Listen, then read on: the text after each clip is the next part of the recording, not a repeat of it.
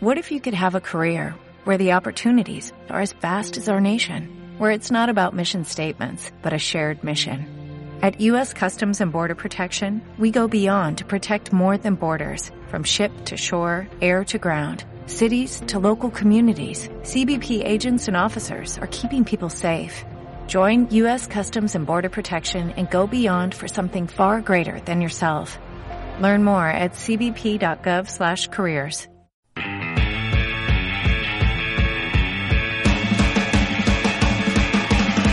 Una vegada al mes sortim al carrer per fer una canya roig i negre, una coproducció de la nova ràdio reusdigital.cat, conduïda per Marc Busquets i Josep Gallofré.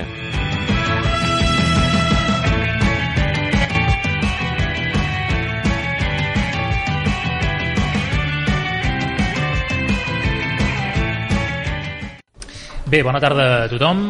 Gràcies, com sempre, per fer-nos costat una vegada més. Us donem la benvinguda a Canya Roig i Negre. Aquesta és ja la setena edició. Aquest és un projecte que naixia el passat novembre en el context de, del primer derbi entre Reus i Nàstic a la segona divisió A. I doncs bé, han passat un, alguns mesos, hem tractat diversos aspectes al voltant de l'actualitat del Club de Futbol Reus Esportiu i aquest dimecres ens apleguem aquí al bar dels pagesos eh, d'una de les entitats històriques de la ciutat com és eh, l'Esbar Santa Llúcia, una entitat fundada ni més ni menys que el 1327, una de les més veteranes, evidentment, del país, per parlar, doncs ja ho veieu, per parlar de periodisme i també de, de futbol. Canya Roig i Negra és una coproducció de dos mitjans, Reus Digital per un costat i també la nova ràdio. És un espai de tertúlia itinerant i mensual. Això vol dir que, de cara al mes vinent, si Déu vol ja amb la permanència ben lligada, que segur que sí, doncs ens tornarem a trobar en un lloc encara per eh, revelar. Només em queda per dir-vos, novament gràcies, moltíssimes gràcies per ser aquí amb eh, nosaltres, per endavant tenim doncs temps de tertúlia. Canya Roig i Negra és un espai de debat conduït eh, pel Josep Gallofré i un servidor, Marc Busquets. Josep, bona tarda. Hola, què tal? Eh, bona tarda a tothom. Gràcies també, com ha dit el Marc, a, a la, a la Germandat de Sant Isidre i Santa Llúcia per deixar-nos aquest emplaçament.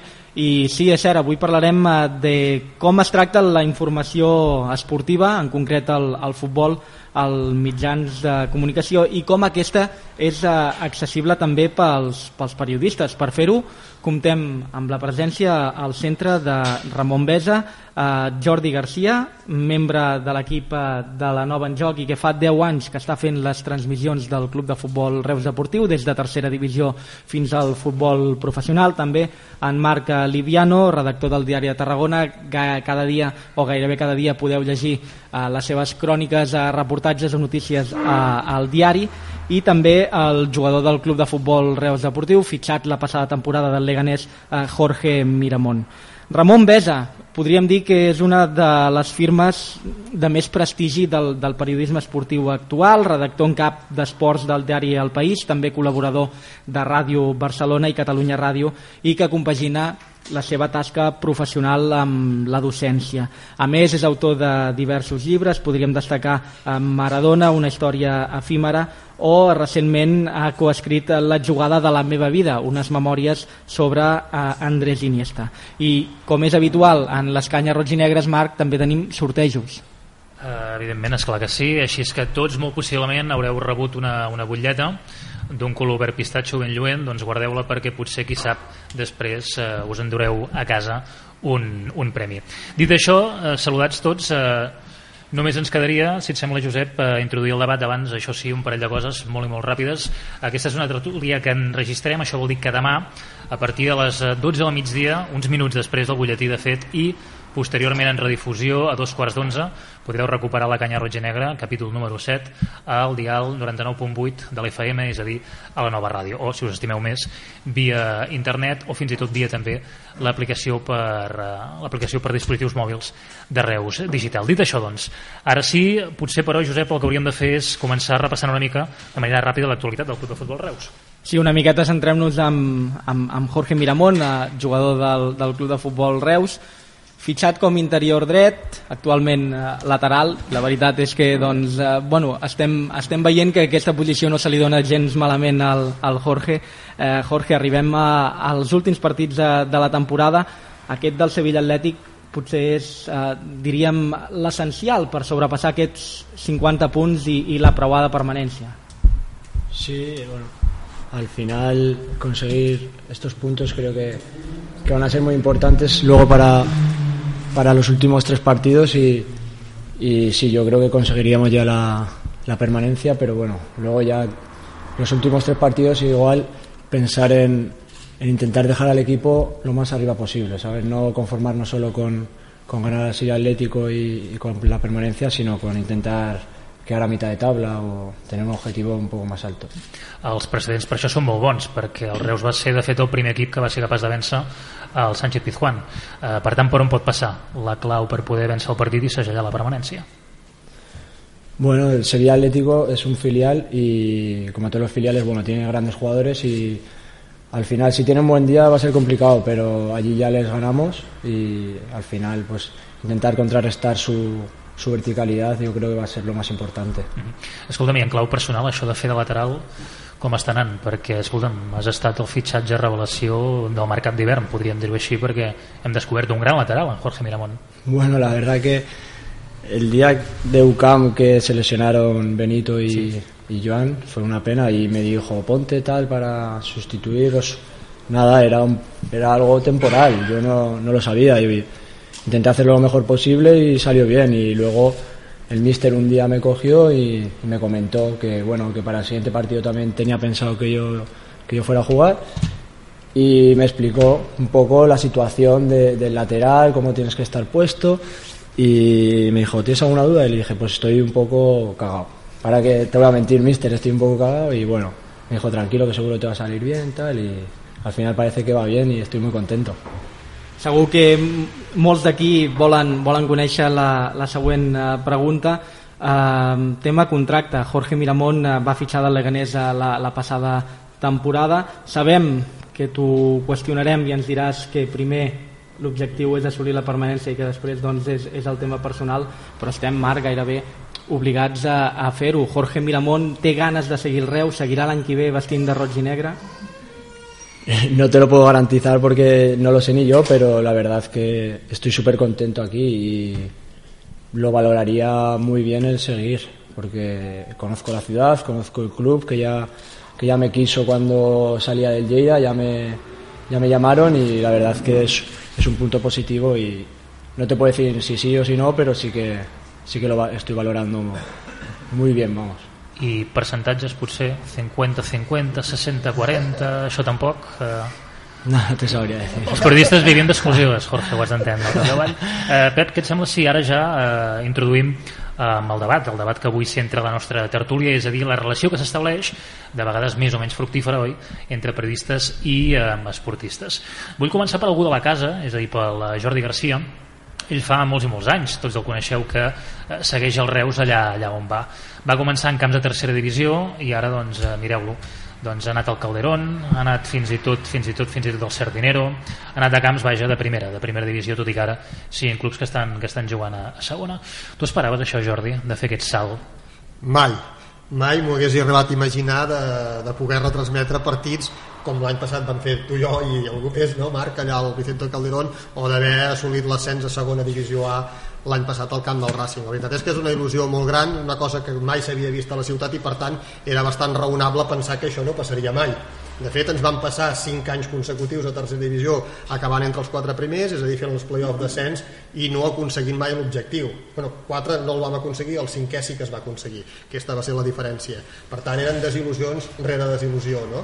I doncs eh, tenia la sensació que ets una mica el pupes i que mai aconseguiries res més que no fos passar un parell de temporades a seg- seguides a segona B perquè era el màxim que s'havia fet fins a aquell moment no? i l'il·lusió era això, aguantar un temps a segona B abans de tornar a baixar a tercera per tant l'objectiu de la segona A ens l'havíem plantejat i és una cosa doncs, preciosa, molt maca i que, vaja, que hem d'aprofitar instant a instant i duri el que duri, que tant de bo duri molt però és una cosa meravellosa Ho dèiem eh, en la introducció, en Ramon és eh, cap d'esports eh, del diari El País i també doncs, una, una de les principals plumes de l'estat eh, espanyol. Eh, Ramon, més enllà del teu seguiment cap al Barça i la, la primera divisió, entenc eh, que bé, el, el, el teu coneixement de, de futbol doncs, eh, influeix en, en què, en què sàpigues o, o, o segueixis una mica doncs, la, la, la trajectòria també de, de la Liga 2-3 i del Club de Futbol Reus eh, Deportiu. Ens agradaria preguntar-te com, com, com influeix eh, l'ascens eh, d'un equip de segona B cap al futbol professional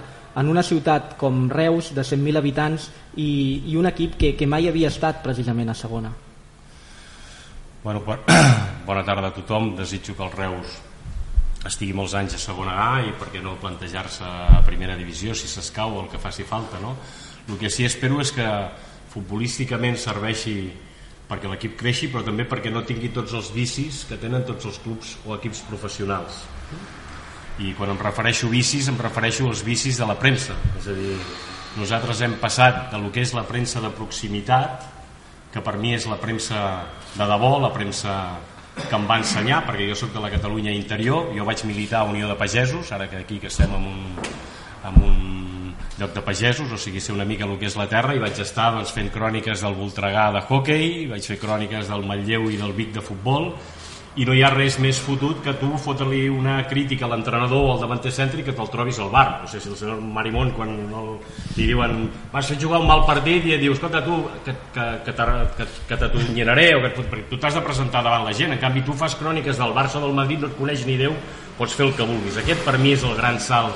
Entre passar a ser partícip, com és la premsa local dels èxits i dels fracassos de l'equip, de la seva vida, o passar a ser simplement un cronista a distància.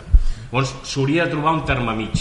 Justament ara que s'està celebrant l'aniversari de, de Wembley, la majoria de periodistes, els que ja són molt veterans, teníem una complicitat amb els jugadors que els podíem entrevistar cada dia. Formaven part de la família. I a Wembley doncs, era allò que tu podies parlar doncs, amb Koeman, amb Laudrup, amb, amb Zubizarreta, amb Cruyff, ara no pots parlar amb Luis Enrique, ara no et pots acostar a Messi, ara Luis Suárez ni, ni et coneix, i aquest distanciament, jo crec que clubs que encara no estan contaminats, com és el cas del Reus, en què hi ha aquesta que la ciutat ho viu, que, que la penya ho viu i que l'afició ho viu, sense que això signifiqui estar entregat o que tu no puguis ser crític, però trobar la distància entre la proximitat el punt entre la proximitat i el distanciament és clau per entendre el que per mi és una bona premsa esportiva. I per entendre-la has d'haver hagut de començar a la premsa local, perquè és això trobar-te al davanter centre, a l'interior dret a l'entrenador o al president i saber que no ets un venut sinó que ets un crític i que et fa respectar. Un cop has aconseguit, que jo suposo que és el que estan fent tant el Jordi com el Marc o que la gent que us dediqueu a això, guanyar-te el respecte del poble a partir d'aquí és quan tu d'alguna manera eh, ets capaç de poder-te enfrontar doncs, amb el que significa la ciutat i de, de parlar amb els jugadors professionals. Poso un altre exemple, és a dir, jo amb Maradona hi parlava no cada dia però gairebé. Amb Messi potser hi parlo un cop a l'any i si s'escau que passa pel costat. No és el mateix, jo puc fer un llibre de Maradona o acostar-me a Maradona perquè sé coses seves, però parlar de Messi el que fem és especular, eh, dir el que ens sembla, com que no té retorn, com que cada cop estem més distanciats, doncs el, el resum és que, a diferència del que passa a Reus i que puguem disposar doncs, com el, el Jordi que estigui aquí, és que perquè tu tinguis un futbolista, una tertúlia o un lloc és impossible. És a dir, ells es dediquen a anar amb els seus... Són multinacionals i com a tals tenen els seus sponsors i el que és el contacte amb la premsa vol dir que hi ha una barrera entre el periodisme i els jugadors. I els jugadors poden viure sense la premsa, això és el més trist, i la premsa pot viure sense els futbolistes, perquè parla d'ells sense conèixer-los. Uh -huh. uh, l'últim convidat, el Marc Liviano, ell ja ho sabeu, és cronista del diari de Tarragona, uh, segueix assiduament el futbol, però també uh, l'hoquei, i fa molts i molts anys, de fet fa una, una pila d'anys que segueix precisament l'actualitat dels clubs uh, roig i negres. Uh, Marc, no sé si secundes el que ens explicava ara el Ramon, és a dir, si realment tu has vist també en aquests anys eixamplar-se la distància entre professionals de la informació i, i esportistes. Mira, jo, jo tinc la sort de que avui puc fer la feina de periodista més o menys com Déu mana. L'exemple que deia en, en Ramon, tinc un company de carrera que està treballant en una tele nacional que molts cops li, li toca fer Barça i quan ens trobem ell sempre em diu no et queixis perquè tu pots fer la teva feina de veritat tu tens els jugadors propers pots explicar la seva història a mi m'agrada explicar històries m'agrada m'encantaria al Miramont no l'he pogut conèixer encara com m'agradaria però segurament ho podré fer. Eh, el meu company el Ramon com, com deia ell abans el Messi no el podran conèixer mai realment com és.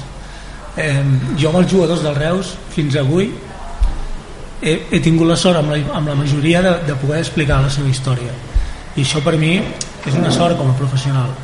No tinc l'atractiu de poder anar un dia a cobrir el Barça al Camp Nou, de fer una gran crònica del Barça al Camp Nou, però realment em queda eh, la satisfacció de poder seguir fent la meva feina més o menys com Déu mana. Uh, una nova pregunta pel, pel Jordi. Um, tu que narres els partits del Club de Futbol Reus Deportiu primer per Punt 6 i ara també per la Nova amb aquest canvi, el xip de passar al futbol professional mediàticament, periodísticament, radiofònicament més ben dit com l'has viscut, com el viu Jordi? Home, el canvi evidentment ha estat important el canvi eh, d'entrada ha sigut pel, pel, per l'equip que formava les retransmissions. Abans pràcticament en la primera època sí que vam estar amb el Josep Gallofré però llavors me vaig passar bastantes temporades que pràcticament anava sol. I ara doncs eh, aquest any doncs som quatre. I per tant l'equip, tot l'empaque tot, tot, tot el moviment que hi ha eh, ha estat molt i molt diferent. I, i això es nota i a més la repercussió a la ciutat de fet, aquest de matí mateix que estava passejant per Reus, m'ha mirat una persona que no en tinc ni idea qui és, i em deia, visca Reus, i jo m'he mirat allò, dic, sí, bueno, la deu conèixer de les retransmissions, però també n'asseguro que no en tenia ni idea, i això aquest any m'ha passat diverses vegades. Els altres anys, vaja, ni, ni per assomo, no? Vull dir, és una d'aquelles coses que notes que la repercussió del futbol aquest any amb aquesta categoria està sent molt superior a les temporades passades. Eh, Jorge, això que comentaven eh, els companys eh, de la premsa, suposo que com a futbolista eh, també, també ho deveu notar, no? Tu has estat eh, jugador de, de segona B, eh, també de, de segona divisió, precisament l'any passat vas viure l'ascens eh, amb el Leganés a, a primera. A nivell comunicatiu el canvi també és important. Sí, también. Eh, la repercusión siempre es mayor. Cuanto la categoría es mayor, pues siempre la repercusión se nota y vas por la calle y te conocen, pero en Lleida tuve, tuve la oportunidad de estar tres años, que hay, la verdad que también hay mucha prensa, hay mucho interés, y el cambio no fue tan, tan drástico. Pero sí que Leganés hacía muy bien el tema de la prensa, como decían.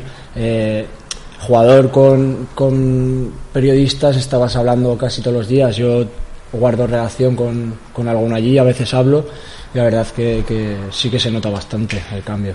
Creus que una, una de les claus com a, com a futbolista i potser um, per tindre doncs, bona premsa és a, a aquesta relació o aquest vincle entre, entre jugador i, i, i premsa? Sí, sin ninguna duda, yo creo que es súper importante que haya buen feeling pues entre periodistas, entre jugadores, con el club. Si hay buen ambiente al final seguro que, que todo, todo se manejará mejor, vamos, igual que con la afición, entre la ciudad, con el club, todo, si todo es positivo creo al final el club puede aspirar a, a cosas más, más grandes.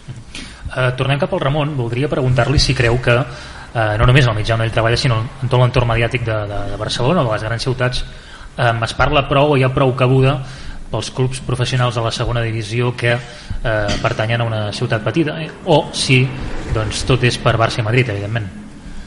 Bueno, per mi un dels problemes que té la premsa esportiva és que hem deixat de fer premsa d'esports i fem premsa de club. I avui dia això funciona com un colabrot que és des del punt de vista de Barcelona el subjecte és el Barcelona l'enemic és el Madrid i el veí és l'Espanyol. I pot ser 70.000 capítols de la Riera cada dia i el Madrid, el subjecte és el Madrid, el rival és el Barça i el veí és l'Atlètic de Madrid.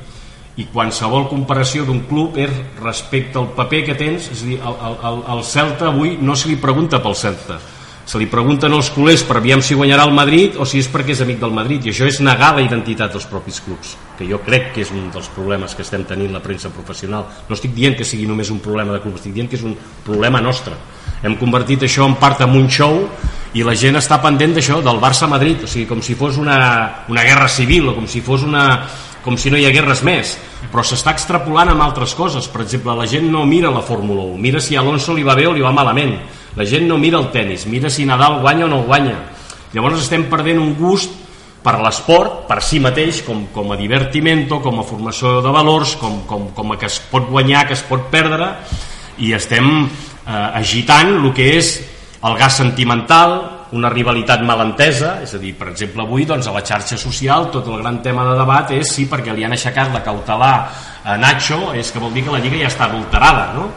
Mm, I perquè no li van aixecar doncs, el seu dia Neymar. Doncs, bueno, això fa que aquesta mirada, totes les pàgines dels equips que no són Barça-Madrid o que no tenen una relació amb Barça-Madrid, doncs passin eh, a la tercera o la quarta, fins que doncs, el Reus no juga contra l'Atlètic de Madrid, fins que el Reus no li toca, per sort, amb una eliminatòria al Barça. O al Madrid, són equips anònims. Llavors, per això és tan important la premsa de proximitat, és tan important que a Reus hi hagi bona premsa perquè com a mínim et dona sentit d'autenticitat i de proximitat, si no, no surts els papers. Només surts en relació eh, si estàs bé o malament amb el Barça i el Madrid. Això s'ha accentuat molt els últims anys, jo crec que abans no era així, i anem molt per quotes, o sigui, que això també està molt de moda amb les dones dissortadament. Jo crec amb la dona com un gran valor, no com a quotes de que hi hagin d'haver per quotes, no? sinó per talent. Doncs ara hi ha la quota del Barça, la quota del Madrid la quota de l'Espanyol i tres pàgines pel resta i la resta és si hi ha fullon o no hi ha fullon, no si hi ha històries com explicava el company de dir, anem a fer un perfil d'un futbolista. Bueno, si fas un perfil del futbolista però aquell futbolista no té alguna cosa, alguna punta de conflicte o ha tingut algun marrón o ha tingut alguna cosa, hi ha una, una, una història anònima gairebé no té valor com una persona normal eh? És dir, no, no, no tenen lloc les històries de les persones normals la normalitat no és notícia però jo crec que estem en un moment no diré crític però sí que és un moment com perquè la premsa local mantingui aquests valors, no, no, no, no es contamini d'aquesta professionalitat malentesa, d'aquesta rivalitat, de que com que a més a més no tens accés als protagonistes, als personatges, hi ha molta més opinió que informació, hi ha molta més especulació que no pas a, a, a, a històries o, o reportatges i que a més a més eh, jo crec que cada cop la dictadura aquesta audiovisual, per dir-ho d'alguna manera, també que la premsa escrita o la premsa de, de què s'anà a prendre la cervesa amb un jugador, o sigui, escolta, una cosa és tu d'on treus les fonts, no? És a dir, quan, quan ells han de fer cròniques i tot això, normalment les fonts del teu equip també és un problema de personalitat que s'ha perdut. A mi em havien ensenyat que les meves fonts mai seria un amic meu, perquè si jo sóc amic del Jorge Marimón i ens fem amic i un dia li dic, oye Jorge, cuéntame alguna història del entrenador, llavors ell em dirà, no eres mi amigo, tu lo que quieres es hacerme chantaje para que yo te cuente historias. Per tant, les amistats normalment no són mai les fonts d'un vestidor, són gent, tu et fa fàcil de dir, els que no juguen són els que rajaran de l'entrenador. Si tot això està inventat, però aleshores el que demana són escenaris comuns, rodes de premsa, eh, diaris, eh, postes en escena en què es pugui conviure per saber, per tastar, per, per constatar. I això cada cop des de la premsa professional o de la premsa dels clubs professionals és més difícil, hi ha una certa tendència a recuperar els valors que encara hi ha a la premsa de, de proximitat que com dic, premsa de proximitat no vol dir venuda al club de la ciutat. Perquè els cares de veritats estan venuts als clubs són els, som nosaltres que estem o fem Barça i anti-Madrid o fem Madrid i anti-Barça Llavors, de què m'estan parlant de que si la premsa d'aquí està venuda als Reus? O dir, no, és que tothom parla bé dels Reus. Bueno, doncs els hi cost... Has de trobar el punt en dir que si el Reus mereixia guanyar, mereix guanyar, i si mereix perdre, mereix perdre, perquè si no, quan el Jordi o el Marc o el que sigui es trobin al cafè diran, hòstia, quina transmissió vas fer ahir, estàs venut, que et paga el president del Reus o què? Doncs la credibilitat te la guanyes amb el dia a dia i te la guanyes amb les persones que veus quan et diuen si ho fas bé o malament si no et diuen res i ets un anònim no te n'enteres més endavant, eh, ja cap al final, doncs, eh, podríem parlar fins i tot de tendències, no? de quines coses hauríem de canviar els professionals de la informació. Eh, Marc, eh, suposo que tu també amb l'ascens a la segona divisió A deus haver notat potser un major interès per les teves cròniques, un major seguiment fins i tot eh, potser des d'indrets fora de Reus, des d'altres indrets de l'Estat. Més, més, que, més que res de, de, de les ciutats rivals. Normalment els molts aficionats de l'equip rival eh, tenen, tenen, no sé si el vici o, o la bona costum de, de seguir premsa per, per la xarxa i normalment doncs, quan et toca jugar contra, contra el seu equip doncs, eh, el que fan és, informar, és buscar-te per informar-se per informar no?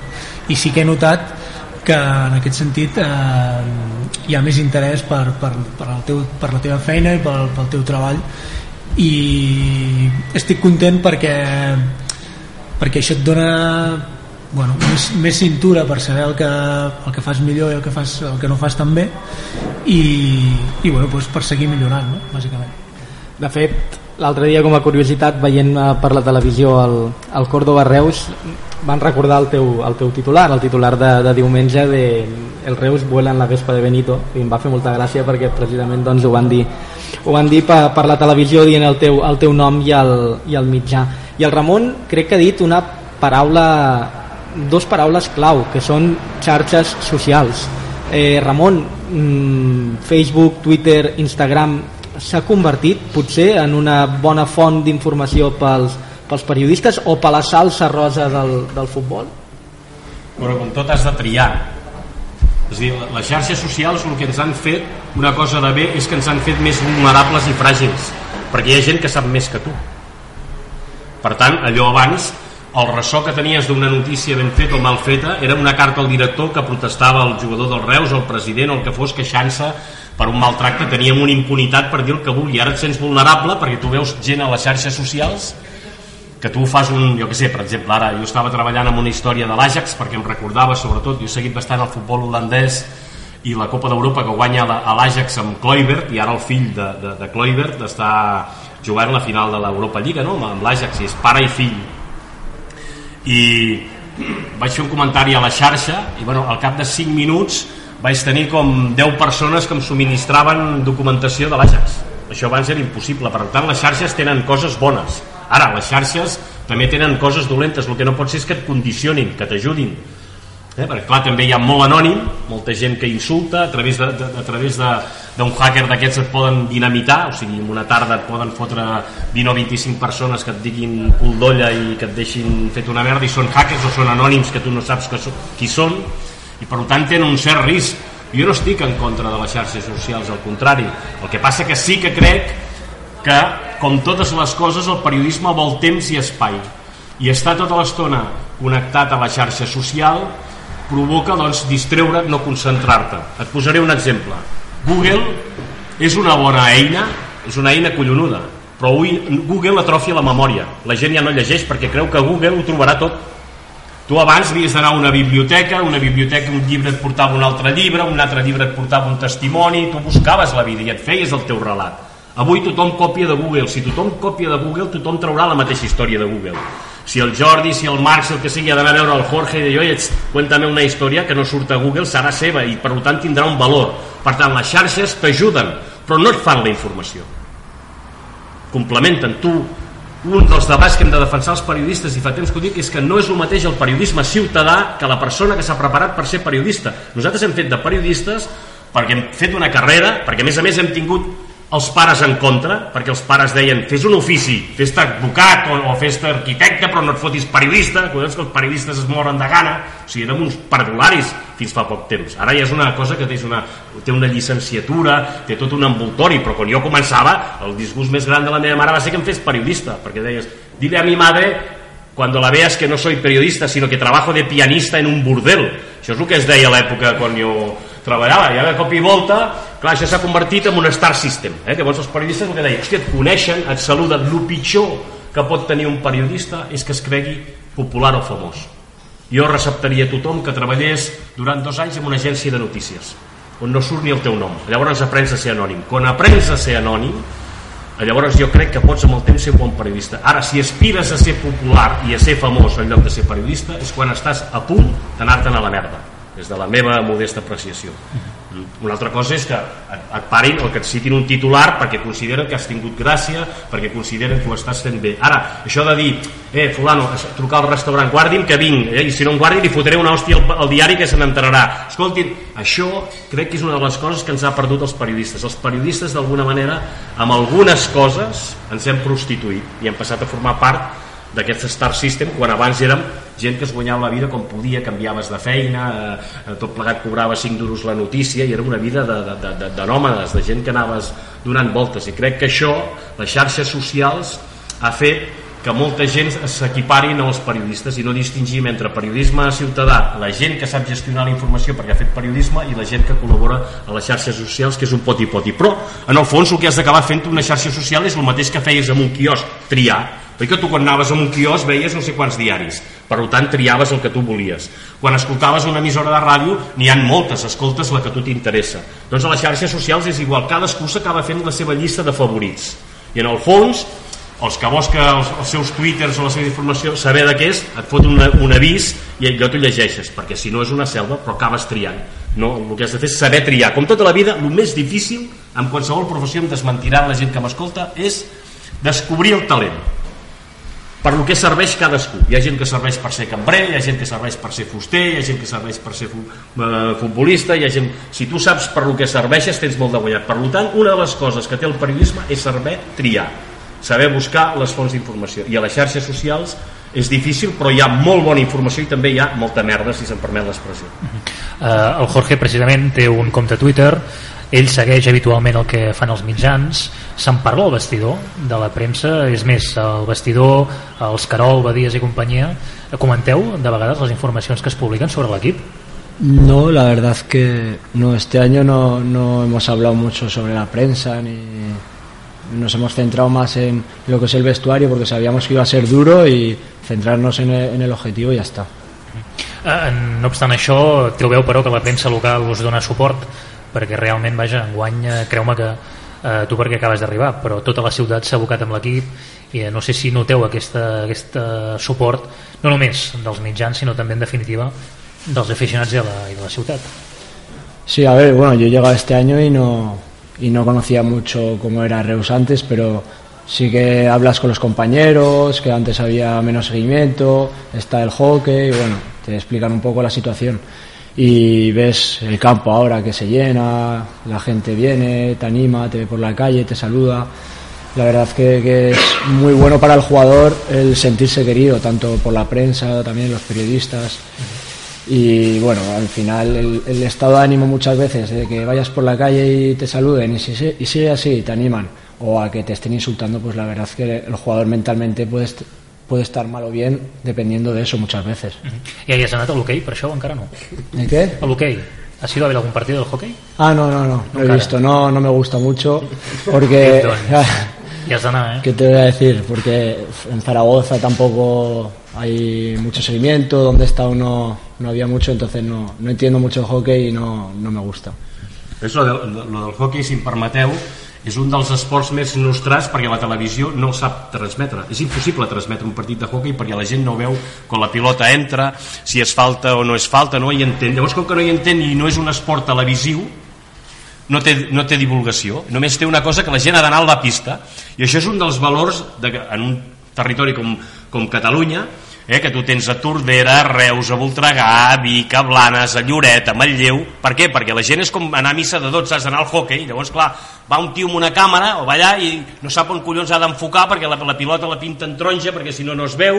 Per què? Perquè és un esport antitelevisiu. Com que és un esport antitelevisiu, no és famós, no entra. Llavors, per tant, té el gran drama que com que la televisió no hi entra, passa a ser anònim i com que passa a ser anònim només en parlen els llocs on com Reus que és campió de la Copa Europa o com el, el Barça si guanya la Lliga o l'equip que sigui. Però és d'aquestes curiositats del paper que la premsa no li dona importància perquè no és audiovisual.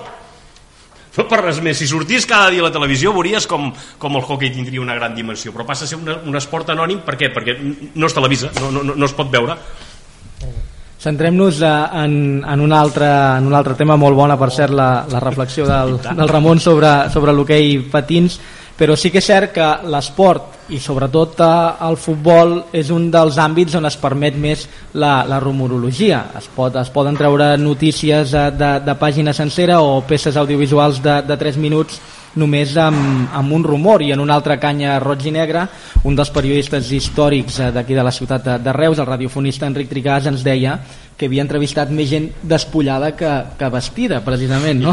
eh, ha canviat eh, fins, a, fins, a, fins a quin punt la, la rumorologia Marc, Jordi eh, Ramon és, podríem dir-ho essencial en, a, en, el, en el món de l'esport?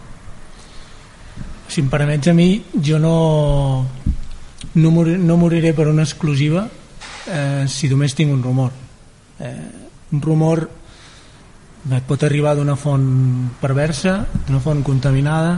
Mm, per mi eh, jo no em mouré mai per un rumor eh, pot, pot ser l'inici d'alguna cosa però si no si aquella informació no la tens no la tens contrastada o no la tens assegurada 100% almenys en el meu cas jo no moriré per una exclusiva amb, amb un rumor fins avui crec que no, no ho he fet i, i, i potser algun dia m'equivocaré eh? segurament més d'un cop m'he pogut equivocar però el que intento eh, és no, el que et deia no, no deixar-me emportar per, per un rumor no sé què en pensa el Jordi perquè ara que se'ns acosta més a més temporada de fitxatges què faríem sense rumors Jordi?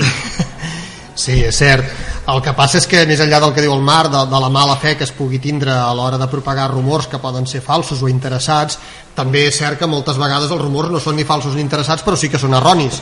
Perquè doncs, eh, sembla que un fitxatge està a punt de produir-se i doncs, la gent està amb aquella il·lusió de que realment allò està un pas però els serrells, com s'acostuma a dir no acaben de quadrar i per tant doncs, aquell fitxatge o aquella marxa d'aquell jugador no, no succeeix. Vull dir, és molt habitual que jugadors que pràcticament eh, tenen fetes les maletes per anar a un lloc al final acabin anant a un altre perquè reben diverses ofertes i no saps ben bé, ben bé què, què faràs la, la vida del jugador d'aquestes categories és una vida de nòmada eh, és una vida d'obrer en què tan aviat són a Reus com poden ser a Burgos com poden ser a Guadalajara no? i per tant no saben ben bé quin és el seu futur i els rumors formen part d'això però ja dic, no, no crec que sigui tampoc mala fe moltes vegades Perdona, perdona un moment, però en el cas que, que el Jordi eh, quan un jugador està parlant amb un club i és cert i al final no es fa l'operació perquè qualsevol serrell econòmic sí, sí això ja no és un rumor, és una informació real que al final no s'ha acabat produint perquè... Sí, però la dones per feta i aquí que... Bueno, això és una altra, això és una altra cosa, no? Eh, però eh, s'ha distingit el que és eh, fer volar coloms o un rumor que és un punt de partida d'una informació d'un jugador, per exemple, que està a punt de tancar un, una, una operació amb un club i no es fa perquè al final hi ha un serrell econòmic que no, no acaba de, de concretar-se no? crec que has estat tu Marc que, que has introduït i això eh, ho podem recuperar amb en Ramon aquesta toxicitat de vegades dels, dels rumors oi? no sé Ramon si eh, amb la teva experiència potser sí que has detectat eh, una mala voluntat a l'hora de difondre segons quines quines històries bueno, diguem que la majoria de mitjans hi ha un llibre d'estil que diu que no pots donar una notícia si no l'has confirmada per dues fonts i en alguns mitjans tres això ja no fa ningú eh? no fa ningú entre altres coses també perquè els clubs o les empreses han desenvolupat una cosa que és una bona sortida professional que són els gabinets de comunicació o la comunicació corporativa que és una bona sortida professional. Hi ha molta gent que estudia periodisme perquè vol fer comunicació corporativa i són gent molt preparada que és que quan tu truques al club tenen 25.000 arguments per no confirmar-te o per desmentir-te el que vols. O pel perill de que si tu truques al club i truques a segons qui el club fa que aquella notícia la tinguin altres i l'escampin. Per tant és un altre perill. Un altre els pactes perillosos que hi han amb els agents de jugadors hi ha periodistes que pacten amb agents de jugadors o em consta perquè tu a canvi de difondre que un club vol determinat jugador després jo et donaré la notícia d'un fitxatge de veritat però hem de promocionar dos o tres jugadors que jo els vull treure per tant, fes-me un favor, digue'm que Jorge Marimón està a punt de fitxar pel Barça. Dic, home, vols dir? Sí, sí, estem negociant. Pam, després és, és possible que no sigui veritat, però tu ajudes a promocionar. A qui fa mal això? A ningú ni, a, ni al Jorge, que li va bé, ni a la gent que li va bé, i el diari que ho explica. És inocua. Ara, el problema és quan el periodisme esportiu diu mentides i no penalitza. Perquè fixa't que el que nosaltres de vegades ens atrevim a dir d'un futbolista, d'un president o d'una un, persona que participi en l'esport mai rep una multa o una sanció. En canvi, d'un polític o d'un economista, tu digue-li, per exemple, a Mancio Ortega el mateix que pots dir d'un futbolista. Potser et fot una querella, és dir, has vist moltes querelles contra diaris per, per informacions periodístiques? Poques, de futbol. Per què? Perquè és un negoci en el que tots hi participem. I per tant, de vegades ens dic que, que, que el Reus digui que demà vol fitxar a, a tres davanters centres no és una notícia que li faci mai al Reus. Per tant, el Reus no te la desmentirà i tu també li estàs fent un favor perquè dius, ostres, el Reus té poder adquisitiu, està parlant d'aquest, està parlant de l'altre, és benigne. Eh? Vull dir, en el fons no, no fa mal. El problema és quan de vegades fas creure falses il·lusions perquè estàs conxabat amb una gent perquè a canvi de fer propaganda d'altres futbolistes doncs eh, reps doncs, el, viatge, el fitxatge de veritat no? de dir que és el que persegueixes no? és a dir, ara per exemple qui dirà primer tal com s'ha gestionat és molt curiós el model de l'entrenador del Barça això aquí a Reus segurament no passa, però clar, de cop i volta apareix un Zue que sí, que si no, en parla tothom bé, després tothom en comença a parlar malament, de que si ha tingut un problema amb el Neymar, tot això ha estat una estratègia d'alguna manera de comunicació molt bèstia i ara, és a dir, per, per, com, com va sortir com a alternativa a Valverde? Qui juga? Tu tenies la veritat? Tenies... L'entrenador serà Valverde, sí, gairebé segur, però tens la confirmació, quan ho diran, quan es farà? És a dir, jugues, llavors com que jugues vens diaris. És a dir, en el fons els diaris que venen són portades. I per tant, si les... recordo en aquest sentit que crec que l'última vegada que hi va haver una penalització contra un mitjà esportiu va ser contra un portal que es deia Nicanoa, si recordeu un partit que el Barça va perdre a Vallecas, i que mm, es va batejar com les xiques de Cuenca, és a dir, que una colla de futbolistes del Barça eh, van tenir una nit d'aquelles divertides abans del partit del Rayo Vallecano. I el Marca va fer una portada amb una clau que deia aquí calentó medio Barça sí, sí, està, pues si aneu a les hemeroteques ho trobareu. Aleshores, alguna dona dels futbolistes perquè van sortir els noms de cinc futbolistes, entre ells Filip Cocu, i Filip Cocu, que era una persona molt respectada al vestidor i tot això, va tirar les males perquè es van equivocar, el que va donar la informació Filip Cocu no hi era. I va guanyar la, va guanyar la demanda i els hi va fotre un paquet de no sé quants milions a, a... sembla que era Nicanor es deia el portal en aquell moment. És dir, la informació que anem fent de rumorologia, com que moltes vegades és benigna i no penalitza, no passa res ara quan d'alguna vegada, com que ara cada cop anem fent més notícies estridents més escandaloses i la història és a dir, Ara comencen a veure allò que en diuen a la premsa el camió de nitroglicerina. Tu has de procurar, com tota la vida, que no te la parquin davant teu. Perquè si te la parquen davant teus, es diu, hòstia, avui ja tenim un problema. Què és un camió de nitroglicerina? Doncs tots els expedients fiscals, per exemple, de Messi. Publiques o no publiques? El de Cristiano Ronaldo, publiques o no publiques? Per què uns mitjans ho publiquen i d'altres no ho publiquen? Aquests són els problemes en què estem a la, a la, a la, a la premsa diguem de, de figures. Tu fixa't que alguns diaris informen sobre uns i sobre altres no. Llavors tu a través dels anàlisis de lo, dels, del comportament dels diaris saps si en aquest col·laborat que et deia aquest diari és més proper a un club o és més proper a un altre, perquè acabem fent premsa de club i no fem premsa esportiva. Um, en tot cas, se t'ha mig escapat o no, Valverde gairebé sí, doncs? bueno, sí, jo crec que sí. Sí? Bueno, gairebé sí. És com dèiem, deien el, ells, el, el Jordi i el Marc, en el sentit de dir, mm, de vegades eh, la, la rumorologia té, té una, hi ha una base, i, i, pot, i pot ser que a última hora, per les circumstàncies que sigui, o que sé que el secretari tècnic del Barça tingui una tercera o una segona via oberta doncs jo que sé, amb Koeman o, o, o, o, amb el Giovan Broskor que acaba de fer campió a, a, a Holanda i que de cop i volta les negociacions es torcin però sí que és evident que el perfil d'entrenador, un dels possibles candidats a entrenar el Barça l'any que ve és eh, Ernesto Valverde i que a més a més diguem que la, ell s'hi ha posat bé perquè també et podries trobar que dius no, el Barça tria aquest i l'entrenador di no, perquè pensem que el proper entrenador del Barça d'alguna manera mig equip ja li donen fet algun entrenador potser no acceptaria tu has de jugar amb el Trident has de jugar amb el Busquets, has de jugar amb el Piqué, has de jugar amb el Ter Stegen. Compres o no compres? Per exemple, Tuchel, que és un dels entrenadors que quedarà lliure, és el que està entrenant el Borussia Dortmund,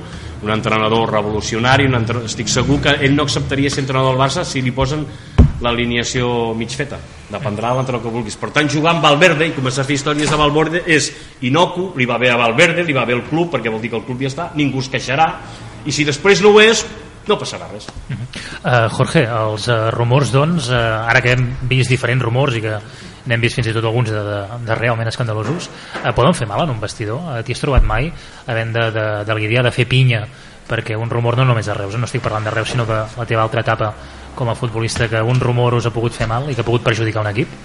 Bueno, depende de, de qué rumor, sí, sí que puede afectar al vestuario o una relación entre entre según qué personas sí que sí que puede afectar porque bueno lo que te digo depende de qué rumor claro pero por lo general a veces pues se oyen cosas y bueno se habla se habla mucho en, en este deporte y por lo general no suele haber ningún problema vamos Suposo que en aquests casos Jorge el millor és eh, allò que diuen en, en castellà, no? Oídos sordos.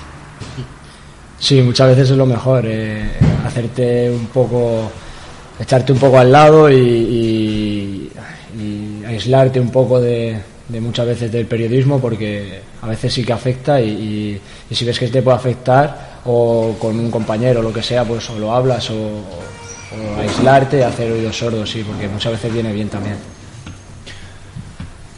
um, haurem de començar a decidir ja la, la recta final de la canya roja negra i és llàstima perquè estan sortint coses molt i molt interessants. Uh, però vull tornar a fer una pregunta al, al Jordi jo que tinc la sort de compartir tants més amb ell amb, amb els Reus. Escolta'm Jordi, què té la ràdio, que no té la tele que no té la premsa, per què ens enganxa tant agrada tant i per què tenim aquests oients tan i tan lleials? Home, la llibertat. Llibertat. Jo diria que sí perquè tampoc t'exigeix la pulcritud de la premsa, que clar, evidentment quan te poses davant d'un paper en blanc doncs tens un temps de, per davant per poder escriure i això fa que, que t'hi miris molt a l'hora d'escriure, que ho hagis de repassar, que porti doncs, eh, bastanta estona, si vols fer un article ben acabat i que quedi més o menys bonic, porta bastanta estona. La, la ràdio te dona molta llibertat, pots cometre petits errors perquè doncs, bueno, és la, el problema del, del directe per dir-ho d'alguna manera i, de, i del fet d'estar allà in situ d'estar narrant una història que succeeix a gran velocitat i que per tant has de mirar de fer eh, el millor possible sobretot situant també a l'oient on està la pilota, on estan els jugadors narrant-li una història.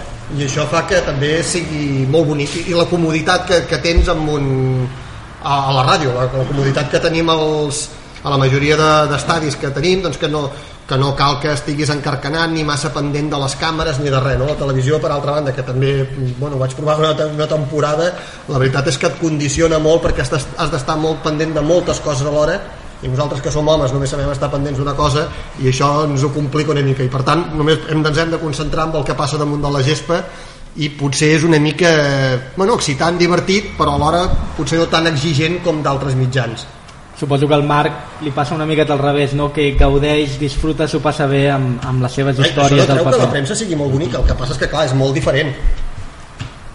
El, el que bàsicament in, intento és donar-li valor a l'espai que em donen cada dia per, per poder escriure no? i el que, el que faig doncs, és intentar passar-m'ho bé intentar, com deia abans eh, explicar històries perquè eh, tots tenim una història eh, com deia abans el, el Ramon les persones normals també tenen una, una història i, i bàsicament el que intento és això no? donar-li valor a l'oportunitat que em donen cada dia de poder escriure en un diari que això no, no és gens, gens fàcil i dintre del valor que li dono doncs, sempre in, intentar ser, ser honest no creure en l'amo de la veritat perquè no la tinc ni tampoc ser el, el, protagonisme, el protagonista de res perquè no sóc protagonista de res Uh, Ramon, et demano també el teu parer i a més hi afegeixo una, una altra pregunta i és, abans que ens havíem referit potser aquesta autocrítica que havíem de fer a les tendències no? ens has dit, uh, ens estem prostituint una mica què haurien de fer determinats mitjans potser per començar a practicar o recuperar un millor periodisme? Bueno, jo, jo no, no sóc dels periodistes que crec que un serveix per tots els mitjans és dir, una persona que no tingui una bona dicció i no tingui una bona percepció no pot fer ràdio. Pues jo no, quan escolto la ràdio no l'entenc, no, no em serveix de res. Una persona que no, no li estimi la càmera, més allà que sigui més guapo, menys guapo, més... si la càmera el rebutja, doncs no, no, no transmet, ja pot estar donant la millor notícia del món, però no, no, no, no t'empatitza. I si un periodista no, no és capaç de fer un relat o d'escriure bé, no, no pot treballar en un diari. Uh -huh és veritat que ara cada cop som més multimèdia i tu veus, per exemple, nosaltres els plumes, com ens diem en l'argot del Camp Nou els que escrivim, el fet de poder anar a les tertúlies de ràdio i televisió ens ha donat una cosa molt bona, que és sortir del forat i contrastar les nostres idees. Tu abans escrivies i escrivies el que tu pensaves. Ara, en canvi, abans d'escriure-ho, pot ser que vagis un debat i una tertúlia, com la que estem fent aquí, i el que tu pensaves, el fet de contrastar-ho t'ho pugui modificar. Per tant, jo crec que això és saludable, sempre i quan es respectin aquests marges. Aleshores, en el paper de la ràdio, la ràdio és el mitjà per excel·lència més gran perquè ha sobreviscut a tot. Ha sobreviscut a la televisió, quan va néixer la televisió van dir la ràdio desapareixerà. No, està sobrevivint a les xarxes socials, cosa que la premsa no està sobrevivint, la premsa de paper s'està anunciant la seva defunció. I crec que per una part és per al sentit de l'emoció. En el fons el futbol es porta a la infància, ens porta el joc, i la ràdio et permet recrear en el lloc on siguis, o sigui, pots estar feinejant i vas escoltant la ràdio, pots anar al cotxe, pots anar on vulguis, i aquest fet de la imaginació i de l'emoció li dona un plus i una garantia que no té cap altre mitjà. Posaré un altre exemple que no és futbolístic, però quan hi va haver l'accident de German Wings, L'únic mitjà que no va tenir problemes amb, els, amb, els, amb les víctimes i amb el que havia passat va ser la ràdio, perquè la ràdio transmetia el que passava i en canvi la premsa va començar a publicar les fotos dels que s'havien mort, el pilot, no sé què, o sigui, clar, a l'hora d'haver de fer un relat era molt més complicat. Per tant, té un punt d'emoció, d'ingenuïtat, de no creure-s'ho, d'haver de batallar sempre, de guanyar-se els espais, de fer la paradeta quan te'n vas al camp d'aquests camps de segona B o de tercera, en cas de compartir lloc amb el públic, allò d'haver de transmetre el partit sense por, crec que això, en canvi la televisió va un productor, un ajudant, una càmera, parteusa pots fer la televisió mateix, avui dia ens trobem que el fet de no fer el partit no vol dir que tu no tinguis audiència, pots parlar d'un partit que els espectadors teus no han vist però que en canvi en parlis tota l'estona, això fa 10 anys era inversemblant, tu, tu deies ostres, jo per veure un partit l'haig de veure en aquest canal. No, no fa falta que tinguis els drets d'allò, sinó que en pots parlar molt. Per tant també crec que és un mitjà que ha entrat en un risc, i la premsa no sé si el Marc estarà d'acord amb mi. La, el que té és que tu, la gent ja l'ha vist el partit.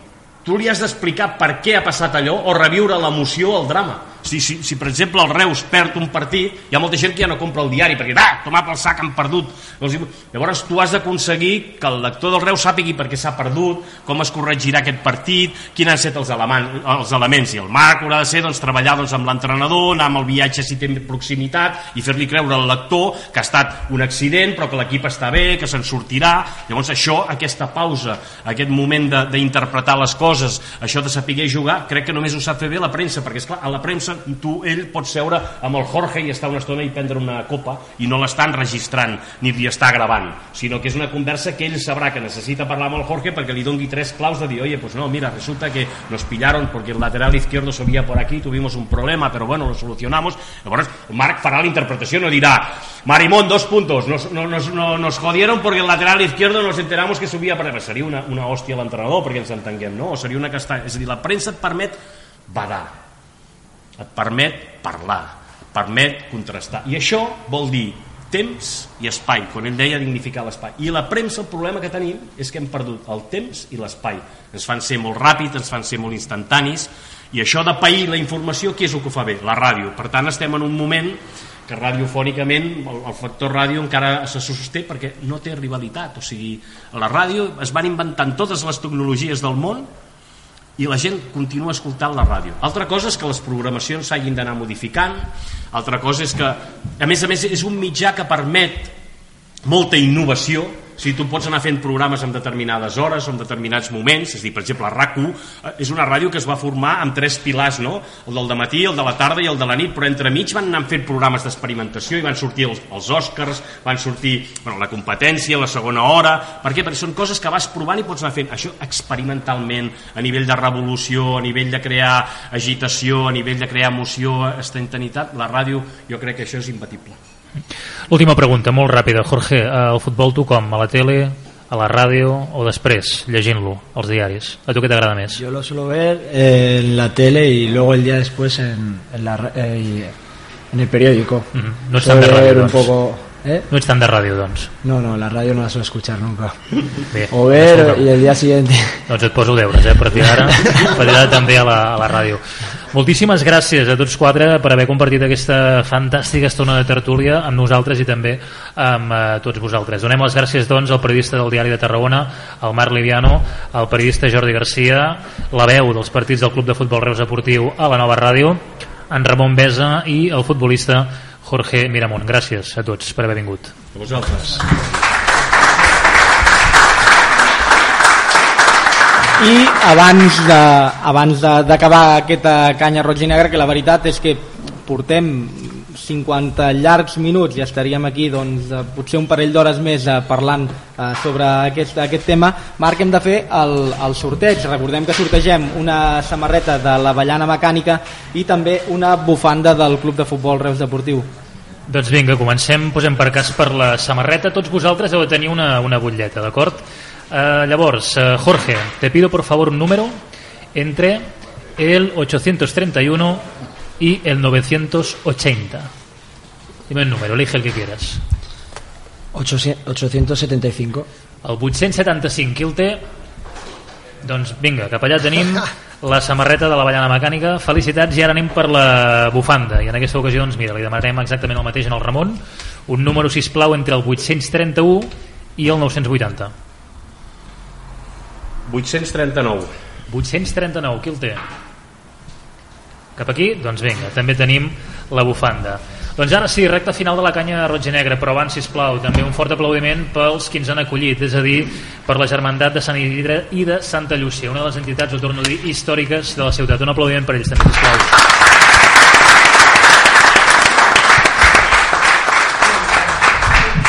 Ens trobem el mes vinent, el mes de juny. Segur que serà per celebrar la permanència del Club de Futbol Reus Deportiu i abans, Pep, una cosa més, o sí?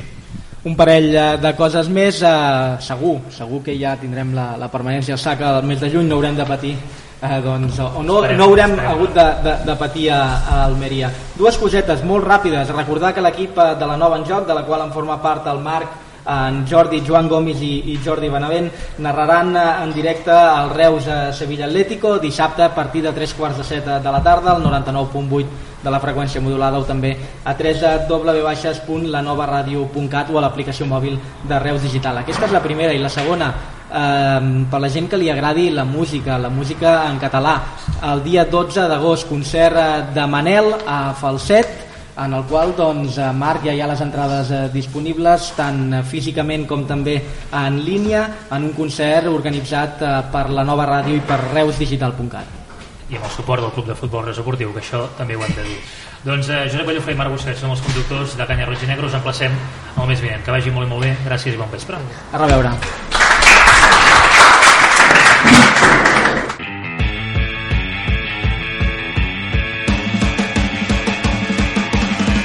Una vegada al mes sortim al carrer per fer una canya roig i negre, una coproducció de la nova ràdio i reusdigital.cat, conduïda per Marc Busquets i Josep Gallofré.